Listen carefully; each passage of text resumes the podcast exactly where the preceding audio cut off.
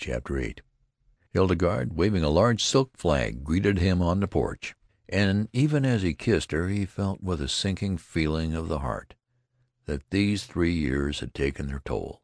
She was a woman of forty now, with a faint skirmish line of gray hairs in her head. The sight depressed him. Up in his room he saw his reflection in the familiar mirror, and went closer and examined his own face with anxiety, comparing it, after a moment, with a photograph of himself in uniform, taken just before the war. "Good Lord!" he said aloud. The process was continuing. There was no doubt of it. He looked now like a man of thirty. Instead of being delighted, he was uneasy. He was growing younger, and had hitherto hoped that, once he reached a bodily age equivalent to his age in years, the grotesque phenomenon which had marked his birth would cease to function. He shuddered. His destiny seemed to him awful, incredible. When he came down stairs Hildegarde was waiting for him. She appeared annoyed, and he wondered if she had at last discovered that there was something amiss. It was with an effort to relieve the tension between them that he broached the matter at dinner, in what he considered a delicate way. "Well," he remarked lightly, "everybody says I look younger than ever." Hildegarde regarded him with scorn. She sniffed. "Do you think it's anything to boast about?"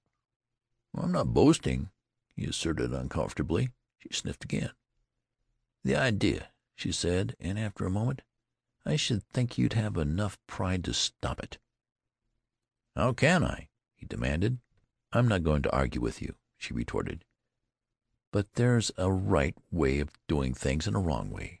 If you've made up your mind to be different from every one else, I don't suppose I can stop you, but I really don't think it's very considerate."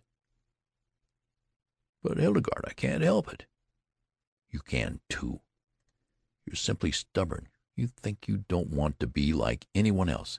You always have been that way and you always will be. But just think how it would be if every one else looked at things as you do. What would the world be like?" As this was an inane and unanswerable argument, Benjamin made no reply, and from that time on a chasm began to widen between them. He wondered what possible fascination she had ever exercised over him. To add to the breach, he found that as the new century gathered headway that his thirst for gaiety grew stronger.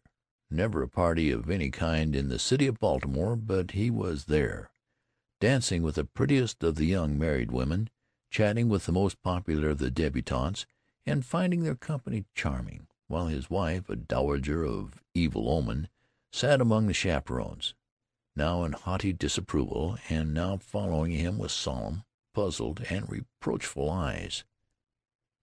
"Look," people would remark, "what a pity! A young fellow that age tied to a woman of forty five. He must be twenty years younger than his wife." They had forgotten, as people invariably forget, that back in 1880 their mammas and papas had also remarked about this same ill matched pair. Benjamin's growing unhappiness at home was compensated for by his many new interests. He took up golf and made a great success of it. He went in for dancing. In 1906 he was an expert at the Boston, and in 1908 he was considered proficient at the Maxixe, while in 1909 his Castle Walk was the envy of every young man in town. His social activities, of course, interfered to some extent with his business, but then he had worked hard at wholesale hardware for twenty five years and felt that he could soon hand it on to his son Roscoe who had recently graduated from Harvard. He and his son, in fact, were often mistaken for each other.